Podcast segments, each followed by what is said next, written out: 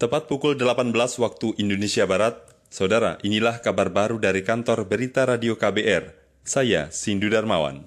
Jumlah pasien positif COVID-19 di Indonesia terus meningkat. Berdasarkan data situs Kementerian Kesehatan per hari ini, kasus positif bertambah lebih dari 3.900 orang. Penambahan ini merupakan rekor kasus virus corona harian tertinggi di tanah air sejak kasus pertama muncul pada 2 Maret lalu. Saat ini total kasus COVID-19 secara nasional mencapai hampir 229 ribu orang. Sementara itu untuk pasien sembuh, hari ini bertambah 3.000 orang sehingga total sembuh menjadi lebih dari 164 ribu orang. Namun angka korban meninggal juga bertambah, yakni 135 orang pada Rabu ini. Dengan penambahan ini, total meninggal akibat virus corona menjadi lebih dari 9.000 orang. Sekretaris Daerah Sekda Provinsi DKI Jakarta Saifullah meninggal siang tadi sekira pukul 12 lewat 55 waktu Indonesia Barat. Ia meninggal setelah sempat dirawat di RSPAD Gatot Subroto, Jakarta Pusat akibat terkena COVID-19. Tim medis menyatakan Saifullah meninggal karena infeksi berat pada jaringan paru-paru dan seluruh sistem tubuh akibat infeksi COVID-19 sehingga menyebabkan gagal napas yang tidak dapat diperbaiki dan tidak bisa terjadi pertukaran oksigen yang memadai. Gubernur DKI Jakarta Anies Baswedan menyampaikan duka cita mendalam. Hari Senin minggu yang lalu, di tengah sidang paripurna DPRD, Bapak Saifullah mengirimkan sebuah teks. Pak Gub, saya mohon izin pamit karena kurang enak badan. Hari Selasa, dalam sebuah rapat saya sampaikan, dalam pengalaman saya bekerja bersama Pak Sekda, tidak pernah beliau izin pamit karena sakit. Hari itu beliau pamit dan kemudian beberapa hari kemudian mengalami perawatan.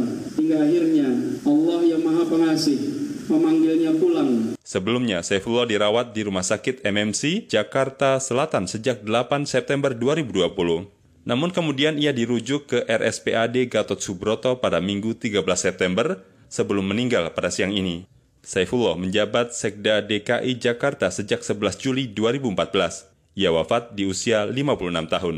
Saudara hingga 15 September 2020, total yang meninggal karena COVID-19 di Jakarta sebanyak 1.450 orang dari total kasus terkonfirmasi positif 56.000 orang lebih. Kita bergeser ke Jawa Tengah. Saudara Gubernur Jawa Tengah Ganjar Pranowo mengklaim telah memediasi masyarakat korban pelanggaran HAM di wilayahnya. Ganjar mengaku telah meminta Komisi Nasional Hak Asasi Manusia Komnas HAM memberikan data laporan aduan masyarakat terkait dugaan pelanggaran HAM ke Pemprov Jateng. Ia menyatakan bakal mencarikan solusi jika data laporan itu sudah terkumpul.